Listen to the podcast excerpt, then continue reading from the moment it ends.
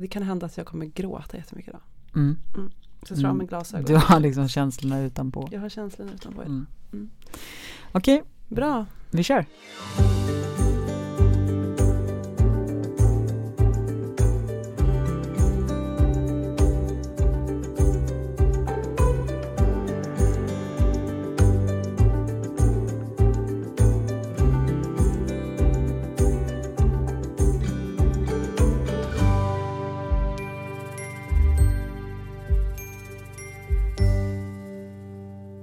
Hej och välkomna till det 27 avsnittet av Präster med gäster med mig Anna-Fia Trollbäck Och mig, Rebecka Tudor. och vi är präster i Tyresö församling i Stockholm.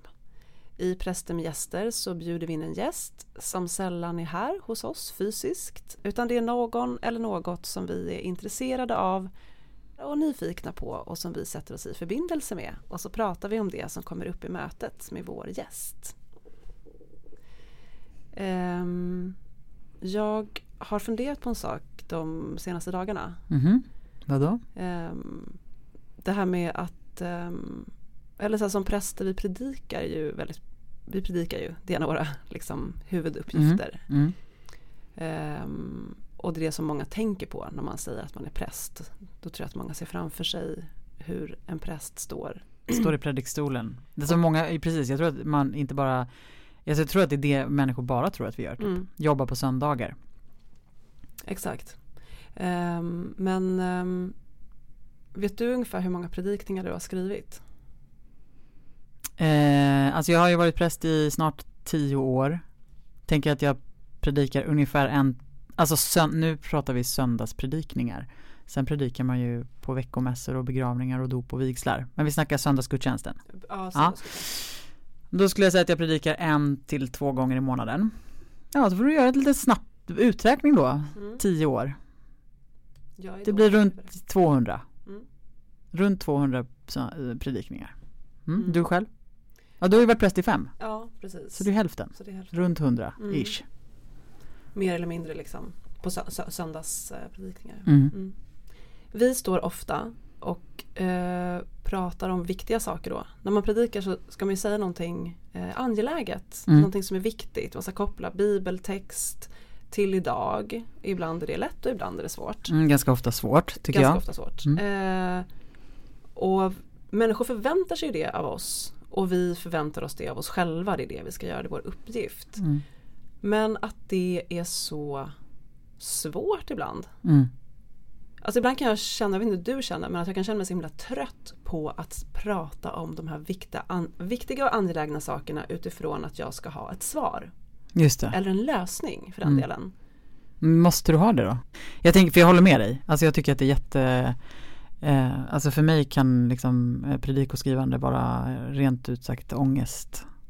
För att jag känner att så här, vem, vem, vem fasen är jag att liksom Vem är jag att tolka Bibeln och säga någonting viktigt? Varför har jag någonting, jag vill inte något mer, jag vill inget mer sant att säga än någon annan i det här rummet Nej. eller något viktigare att förmedla. Kan inte liksom Ja, att det blir väldigt prestationsfyllt liksom och kravfyllt. Eh, men är det verkligen vår uppgift att komma med liksom svaren? Nej, alltså det tänker jag ju att det är inte. Inte idag. Att prästen hade en sån funktion förr. När Ja. prästen var han som eh, var, det, ja men som var lärd. Mm. Som kunde liksom saker som man vände sig till också för att han kunde saker, hade läst, var skolad och så. Idag är det ju inte så alls. Ehm, utan vår funktion är en annan men det där sitter kvar. Mm. Också att bara det att man står och predikar. Mm. Inför människor står jag och ska prata om angelägna och viktiga saker. Mm. Och Och, samhället, och li- precis, precis. Ge, ge en tolkning av, Ja, av liksom bibelberättelsen. Mm. eh, och ibland, och så tänker jag också så att ibland så förväntar sig samhället det av oss. Att också det vi pratar om ska handla om att ge människor trygghet och liksom någon slags eh, liksom fundament i tillvaron. Vi så ja, men inge liksom trygghet och förmedla det på något sätt. Också att Mm. förmedla de stora orden. Mm. Ehm, och jag tänkte på det eh, i våras när pandemin bröt ut och det var ju väldigt dramatiskt överallt. Mm. Eh, och vi var mycket osäkerhet och så. Att kyrkan dels så förväntade sig samhället på något sätt av, av oss att vi hade en sån samlande, enande och liksom trygghetsfunktion. Mm. Och samtidigt så förväntade vi oss det av oss själva. Vi tänkte det här är det människor behöver. Det här är, liksom vår, det, här är det vi ska göra nu. Mm. Eh, vara lugna och stabila och så.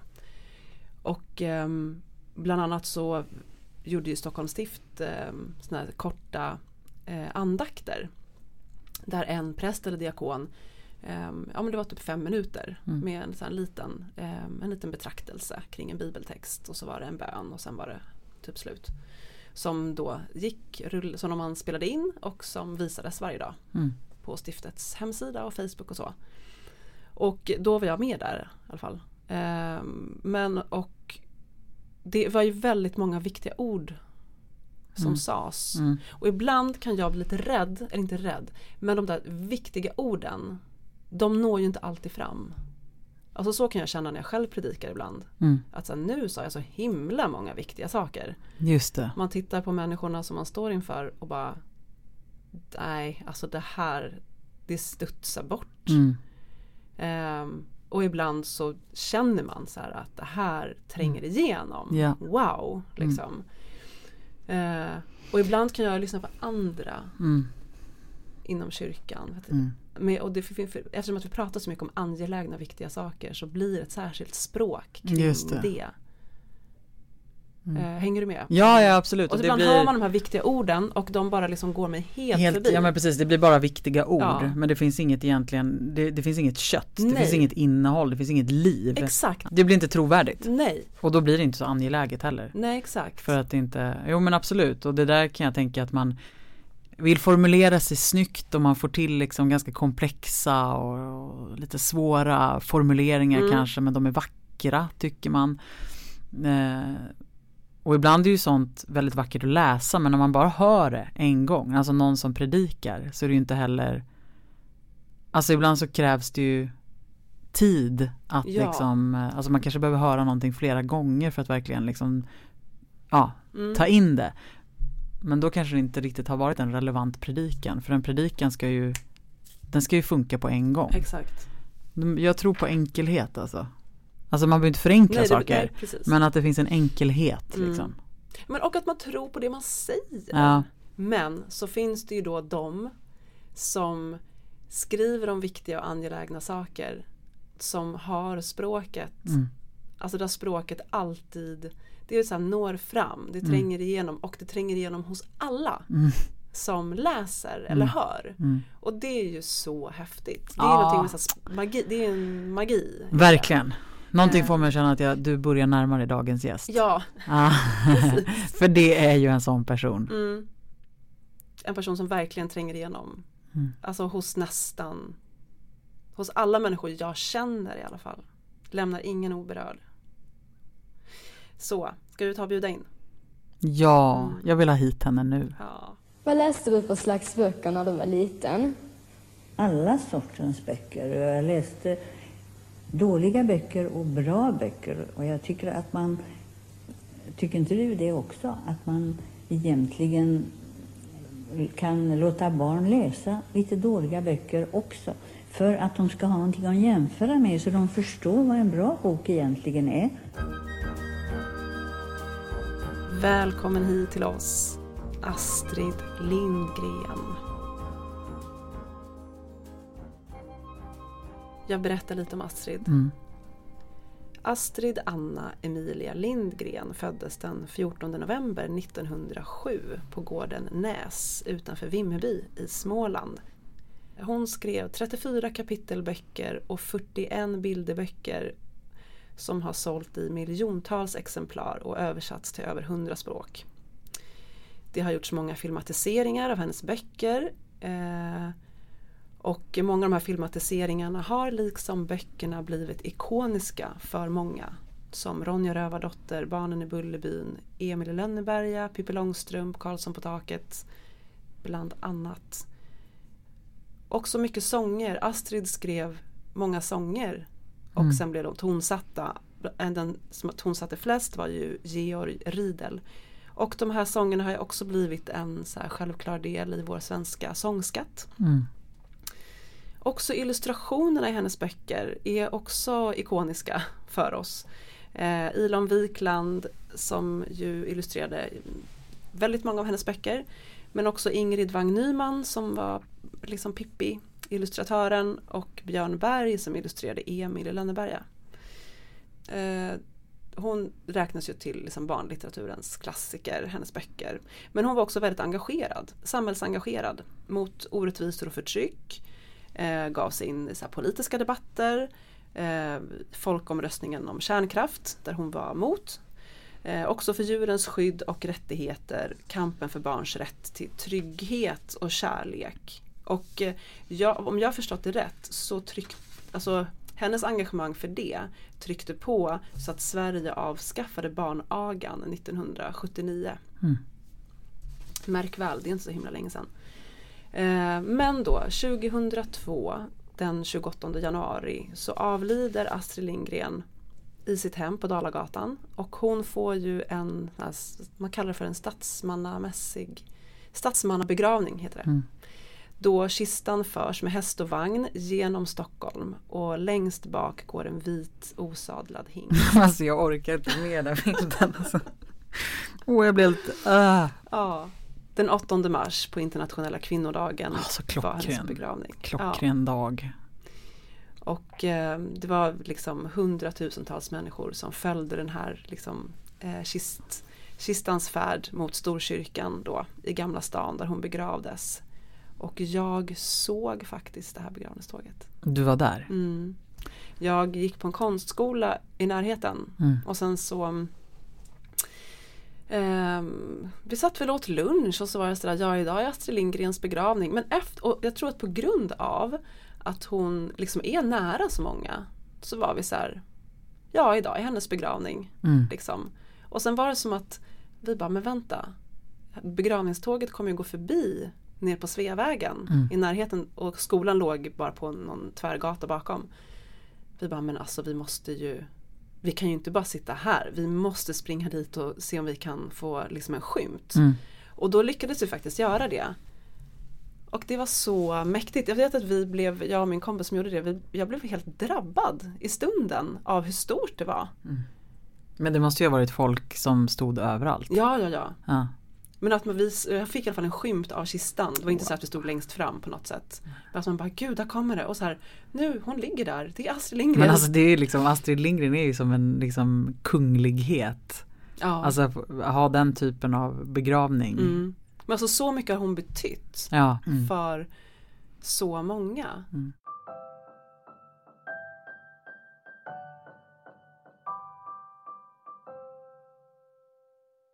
Det har ju varit väldigt intressant den här veckan som har gått när vi har liksom gjort vår research till det här avsnittet och vi har hunnit träffa varandra ett par gånger Mm. och liksom prata korta stunder. Varenda gång vi har pratat så har vi, både du och jag, börjat gråta. Ja.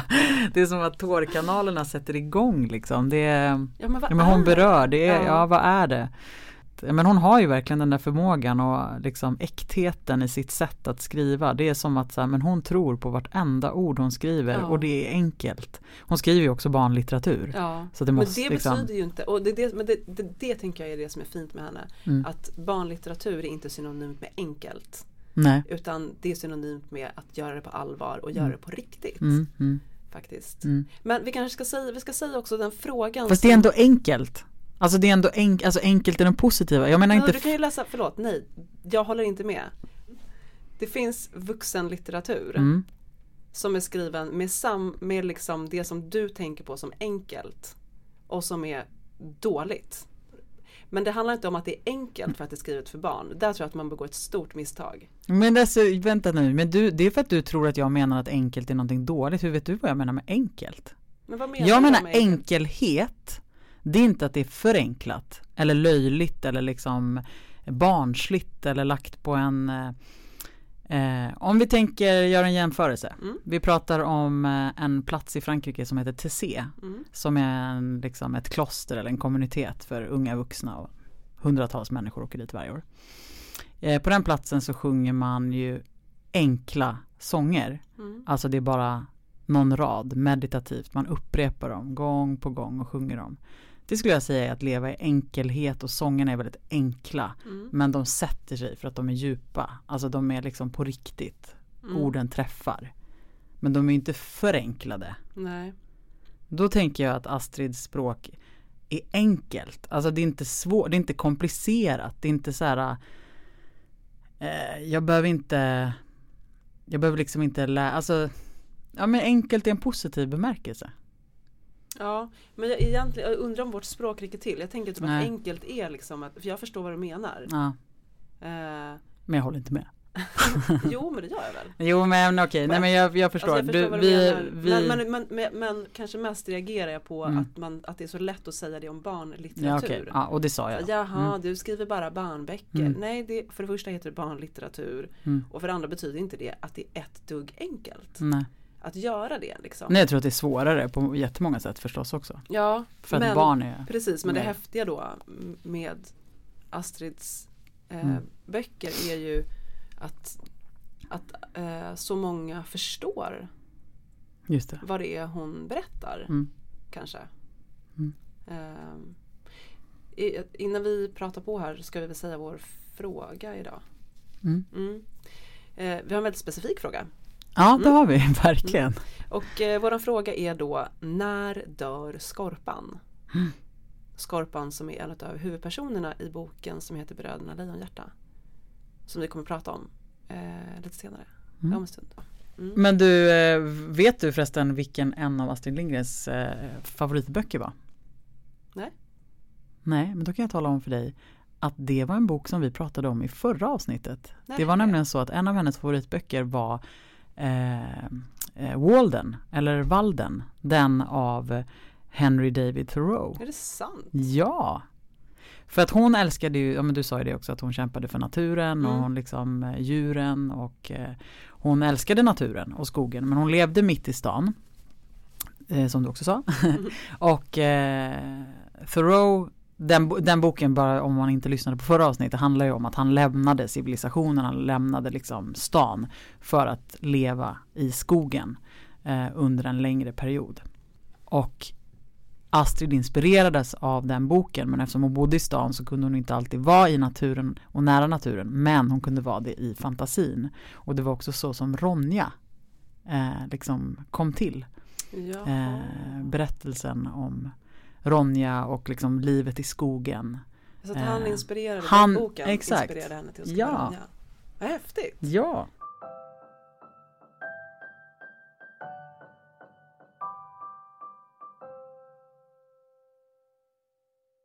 Om du måste välja en av Astrid Lindgrens eh, böcker, Mm.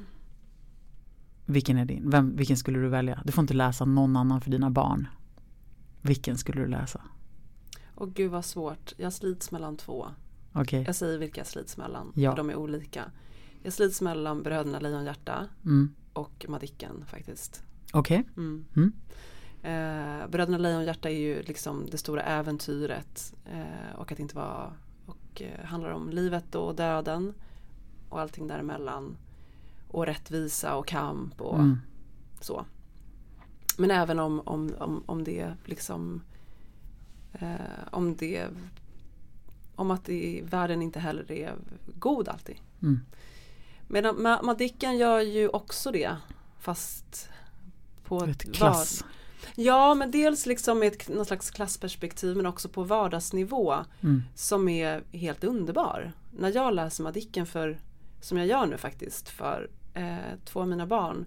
Då tänker jag så här, jag vill leka de här lekarna. Och att jag verkligen tyckte om att jag själv liksom blev inspirerad av det när jag var liten med Madicken. När du säger leka de här lekarna. Vad, De lekarna som Madicken och Elisabeth leker, hennes Okej. lilla syster då. Mm. Jag minns bara att hon hoppade ut med ett paraply från ett tak. Ja, Och stoppade in ärtor i näsan. precis. Ja, är det de lekarna du menar? Ja. ja, ja. Men eh, ja, alltså där är det ju på något sätt vardagen, men även vardagen inte som ett äventyr. Men, men, med, en vard, men med ögon på vardagslivet för både vuxna och barn. Jag kommer ihåg att min mamma sa någon gång så här bara Madicken. Jag bara, jag älskar Madicken. Hon bara, det är en jävla pissidyll. jag bara, oh, okej. Men det tog mig några år innan jag liksom kunde förstå kanske ibland varför hon var så här, ja ah, men gud allting är så himla fint och ganska präktigt såklart. Mm. Men ibland så bara glimtar det till av en sån här väldigt rättvis Mm. Att, hon, att man så här att Astrid ger någonting mycket djupare Mm. genom Madick-berättelserna om Madicken. Mm. Än vid första anblicken där allting är så typ perfekt. Just det. Mm.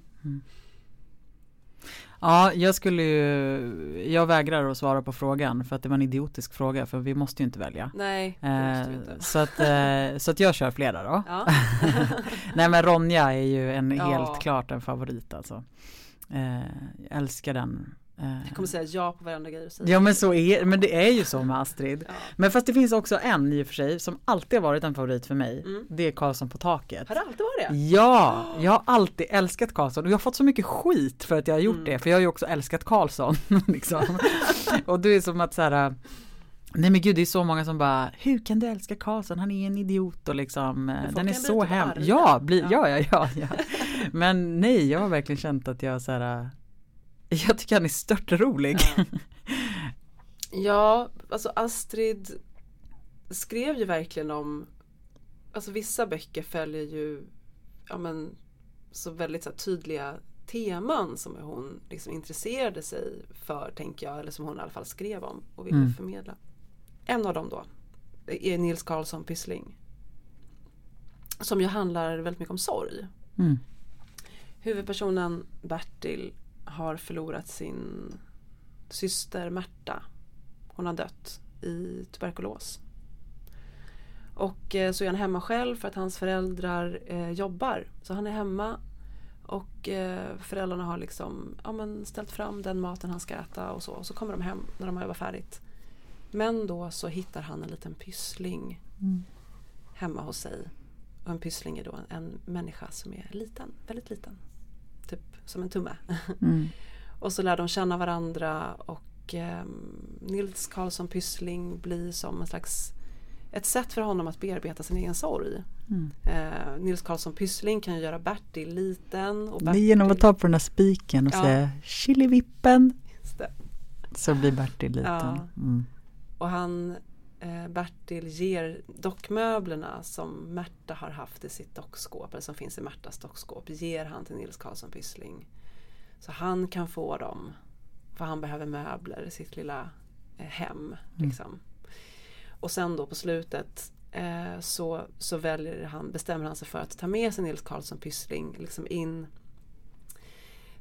eh, han har honom i sin bröstficka när han ska äta middag. Mm. Ehm, och så säger mamman så här, men Bertil du är ju våt i håret. Har du badat eller? något sånt där. Och då svarar han så här, ja jag har badat. Och så pekar han på sockerskålen som han ju har badat i Mm. sen jag badade i den där. Ja men, ja vad roligt, så skrattar de lite. Och då så tror jag att han lägger handen på sin bröstficka och så sitter Nils Karlsson Pyssling där och liksom gör honom alldeles varm.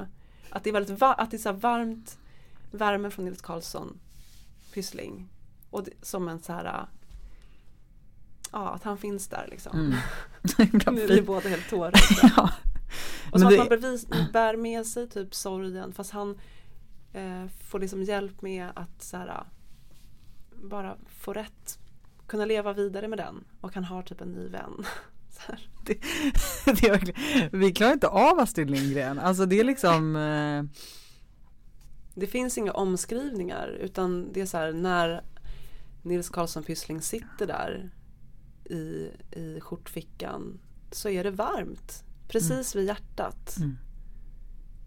Om man har gått igenom en sorg av något slag så vet man ju på något sätt hur det känns när man typ blir varm igen. mm.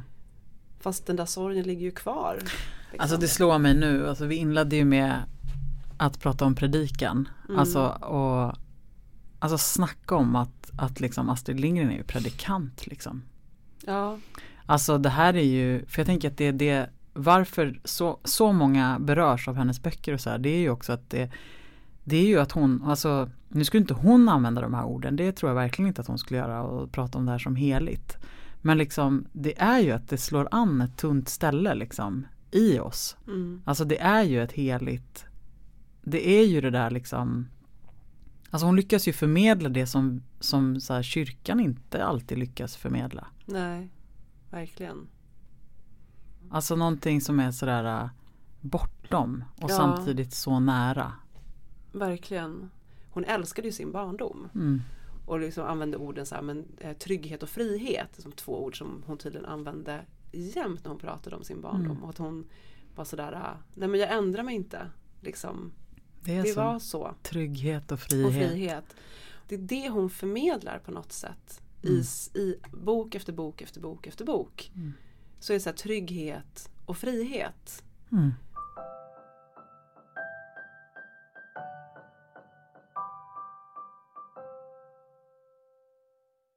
Ska vi kliva in i Bröderna Lejon och hjärtat lite eller?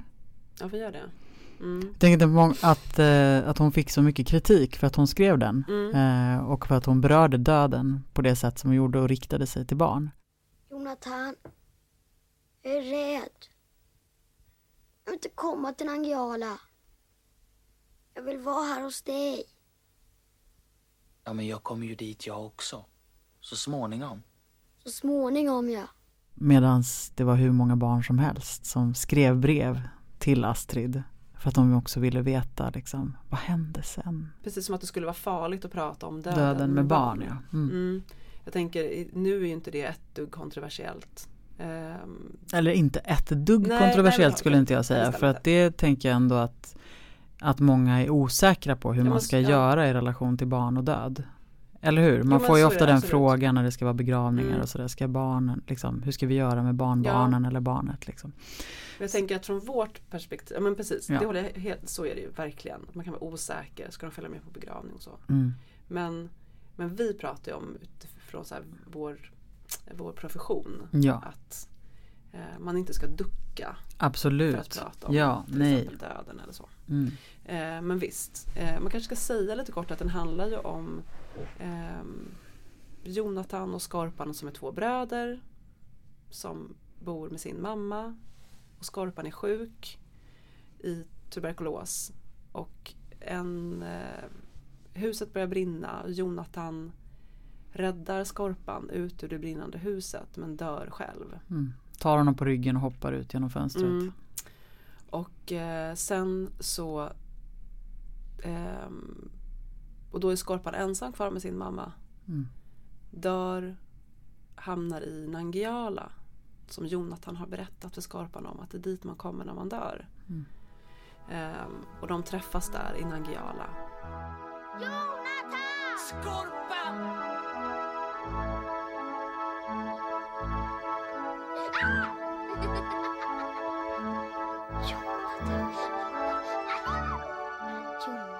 Och där upplever de tillsammans ett stort äventyr. ehm, som handlar om liksom ont och gott. Titta, jag kan simma! Ja, det är klart att du kan simma. Du är ju i Nangijala nu. Och det är drakar och det är förräderi och Mm. ehm, diktatur och frihet. Liksom.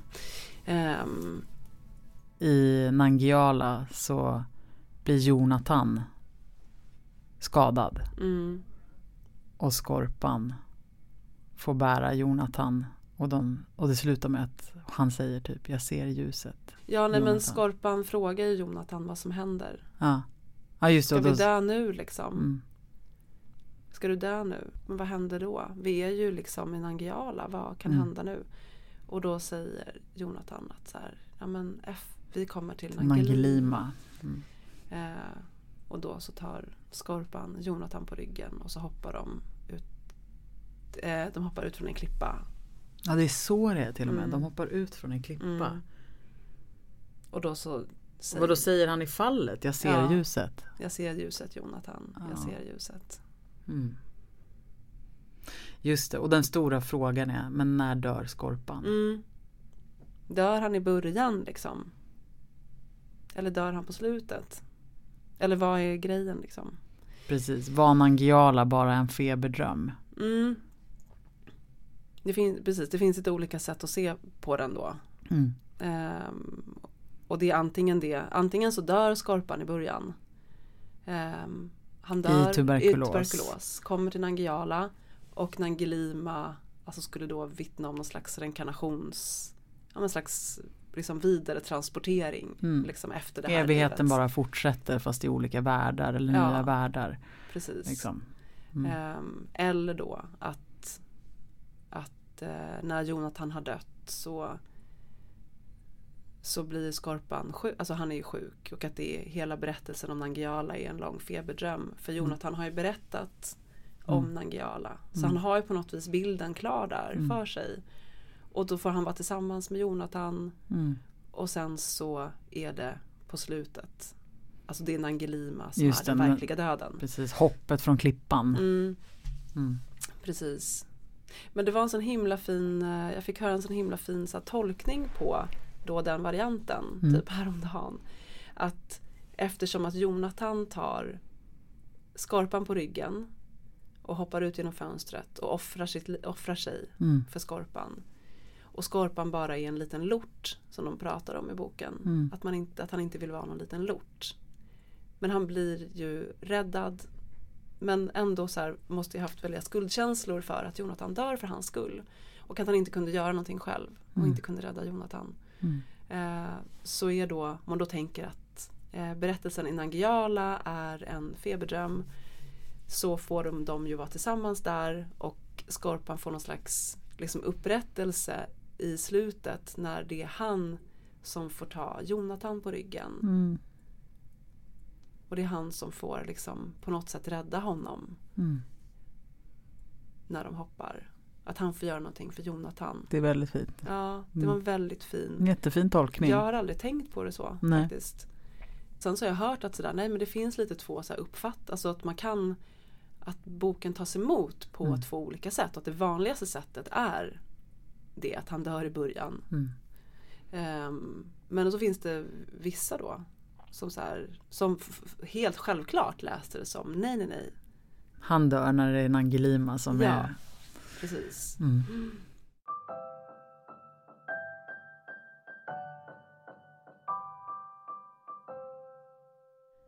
Det är en så himla stark berättelse. Den är så himla vacker. Ja, På liksom, och alla karaktärer som finns med. Jag tänker på hon Sofia. Sofia. Som har duvor, som skickar brevduvor. Ja. eh, med precis som skickar brev med de här duvorna. Mm. Om du är liksom, eh, om du skulle, om, vem är v- om du måste välja en karaktär. Mm. Du ska välja en karaktär som du är och en Mm. karaktär som du vill vara av alla Astrid Lindgrens. Ja, eh, vi har ju funderat på de här frågorna. eh, jag är Sofia. Jag är Sofia, Ja, från Bröderna Lejonhjärta som Mm. vi nyss sa. Mm. precis. Som- Varför då? Hon är ju en person som gör, som vill göra rätt. Liksom, Mm. som, som, driv, som är med och driver kampen för Mm. det goda. Mm. Eh, och hon är modig. Eh, och samtidigt är hon en väldigt Hon är väldigt varm och omhändertagande. Men det är som att hon ser. Eh, hon, hon ser Ja, men hon är som helt närvarande och ser det som pågår runt omkring henne och hon agerar. Liksom. Mm. Eh, men är också väldigt eh, omtänksam och kärleksfull. Men, men det var märkligt, hon kom till mig typ direkt. När Jag Mm. tänkte så här, vem är jag? Mm. Och det var så här, jag är Sofia. Och sen tänkte jag så här, ja det är antingen hon eller Lovis Mm. som jag är. Mm. Lovis då som är mamma till Ronja i Ronja, Ja. Ronja Rövardotter. Mm. Men du då, vem är du? ja, alltså jag tänkte ju eh, Jag tycker egentligen att sådana frågor är ganska svåra. Mm. Eh, men eh, den som kom till mig eh, och det var egentligen när jag pratade med min fru, jag frågade henne, vem, vem tycker du att jag är av alla Astrid Lindgrens karaktärer? Då funderade hon ett slag och sen så sa hon Mattis i, Mm. i Ronja. Pappan, Ronjas Papp, ja exakt. Ehm, och så fick jag smälta det ett tag. För att eh, jag tänker att han är ganska jobbig. Eh, men han är ju också eh, liksom en härlig, Alltså han är ju också, han tar ju väldigt mycket plats liksom. Han Ja. vill gärna vara liksom, i centrum. Eh, men han är ju också en, alltså han är ju väldigt omsorgsfull men med känslorna liksom utanpå. Mm. Eh, han älskar ju sin dotter. Ja. Alltså han har ju väldigt starka band liksom. Jag tänker att han är en trofast och liksom lojal person. Eh, men eh, och jag har inte alls den typen av känsloregister som Mattis ge- liksom ger prov på. Men jag har definitivt väldigt nära till mina känslor. Mm. Eh, och jag tänker att jag är en person som så här, gärna är i centrum. Liksom. Mm. Alltså bullrig Lite, och ja, liksom. lite bullrig och så. Mycket, tar, Nej, jag skojar. mycket, tar ganska mycket plats. Sen funtade jag lite på Emil som så här, jag, in, jag gör inte mycket hyss, eh, verkligen inte eh, på hans sätt. Men han, jag tänker att han är så här, han vill så himla väl. Han är så en god, god människa som Mm. inte vill någon något ont. Men med alla hans hyss så blir det lite tokigt ibland. Ja. Eh, det är som att liksom hjärnan inte riktigt liksom ja, han, tänk, han fullföljer inte tanken hela Nej. vägen liksom. Impulsiv liksom. Mm. Och så är lite jag också. Eh, ut, utan ta bort hyssen. Mm. Men så här, jag vill väl, jag vill liksom verkligen väl, jag vill inget något ont. Men ibland så går det lite, min, det går lite fort ibland. Mm. Jag är lite snabb och då tror jag att jag kan så här, ja. Ja men kanske så här, det blir lite dumt Ja. ibland. Det blir lite tokigt. Just det. Mm. Mm. Men om jag skulle, om jag vill vara någon. Ja, vem vill du vara? Ja men då vill man ju vara Lovis.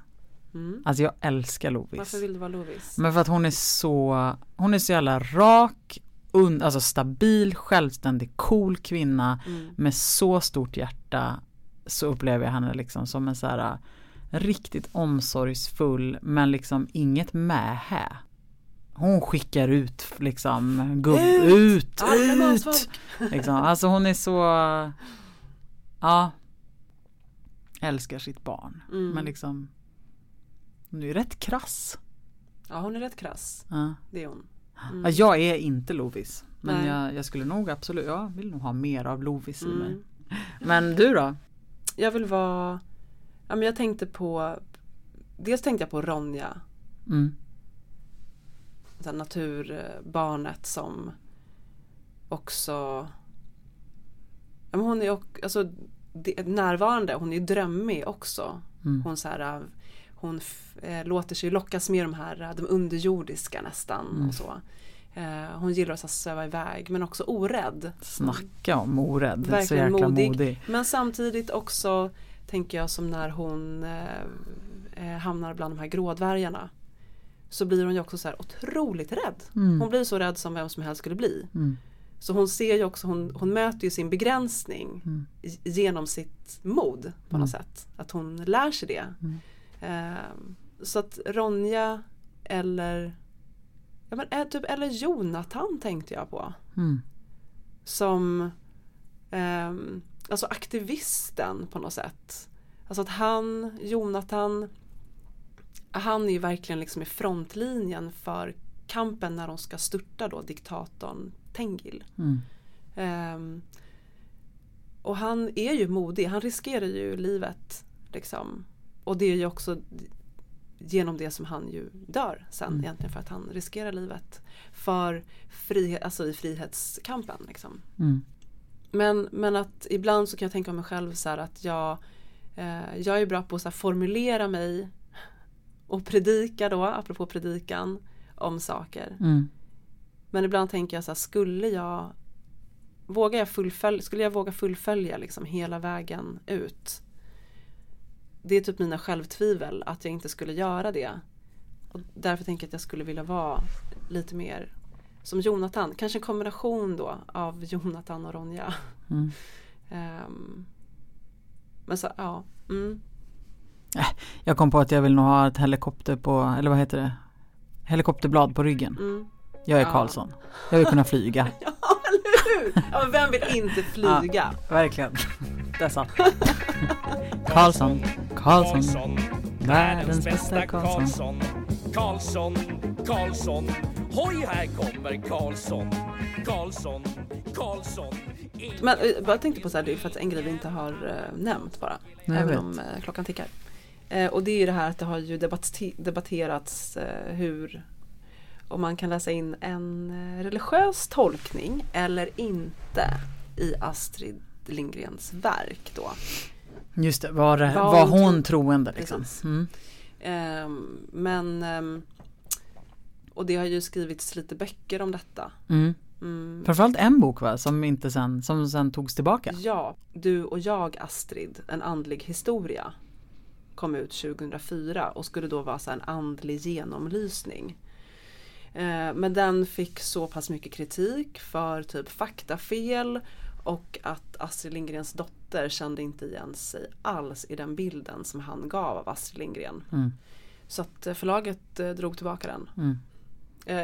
Jag läste på något ställe att han gör såna här bibelhänvisningar liksom. Astrid på den här sidan i boken, den och den, så skriver hon en mening som är identisk med en mening i Uppenbarelseboken. Typ. Mm. Ehm, och lite annat. Ehm, flera sådana exempel, bland Mm. annat. Och det tänker jag så här, ja men ta vilken bok som helst. Typ. Och så kan du plocka ut en formulering någonstans i den boken så Mm. kommer den finnas nästan identisk i Bibeln. Man kan verkligen vilja så här, åh vad härligt om hon dessutom, tänk om hon kunde säga att hon var också troende, vad det skulle passa bra Mm. typ. Eh, Men det är det som är ändå häftigt med henne tycker jag, att hon är inte det. Nej men vi, precis och det som, är, det som blir tokigt blir ju när vi ska lägga, lägga den den, eh, det, säga, att, säga att Astrid Lindgren hade ett, ett religiöst perspektiv eller andligt perspektiv när hon inte hade det. Nej. Men, men vi kan ju läsa in det. Alltså för mig kan ju berättelsen bli andlig. Ja, Det ju, tycker inte jag är fel. Alltså hon är, det är ju andliga berättelser. ja. För att hon rör det existentiella. Det Ja, kanske inte är precis. så mycket svårare än Nej. så.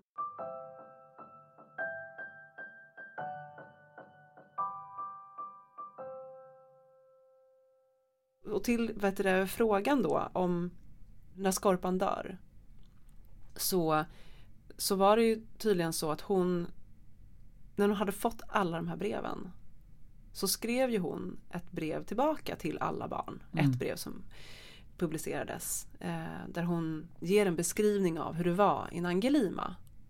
Eh, och sen så sa hon också, hon fick också liksom den frågan att så här, men men vad hände då? Eller liksom, vad, hur ser du på det här? Mm. Och då sa hon att ja, men som ett barn liksom läser berättelsen så, så dör ju Skorpan i början och får komma till Angelima, till Jonathan som han saknade så mycket och att de fick vara tillsammans och uppleva alla de där äventyren.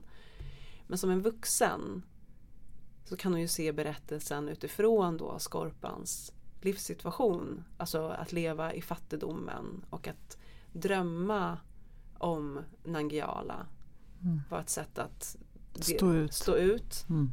Ehm, och att han dör på bokens sista sida. Mm. Mm.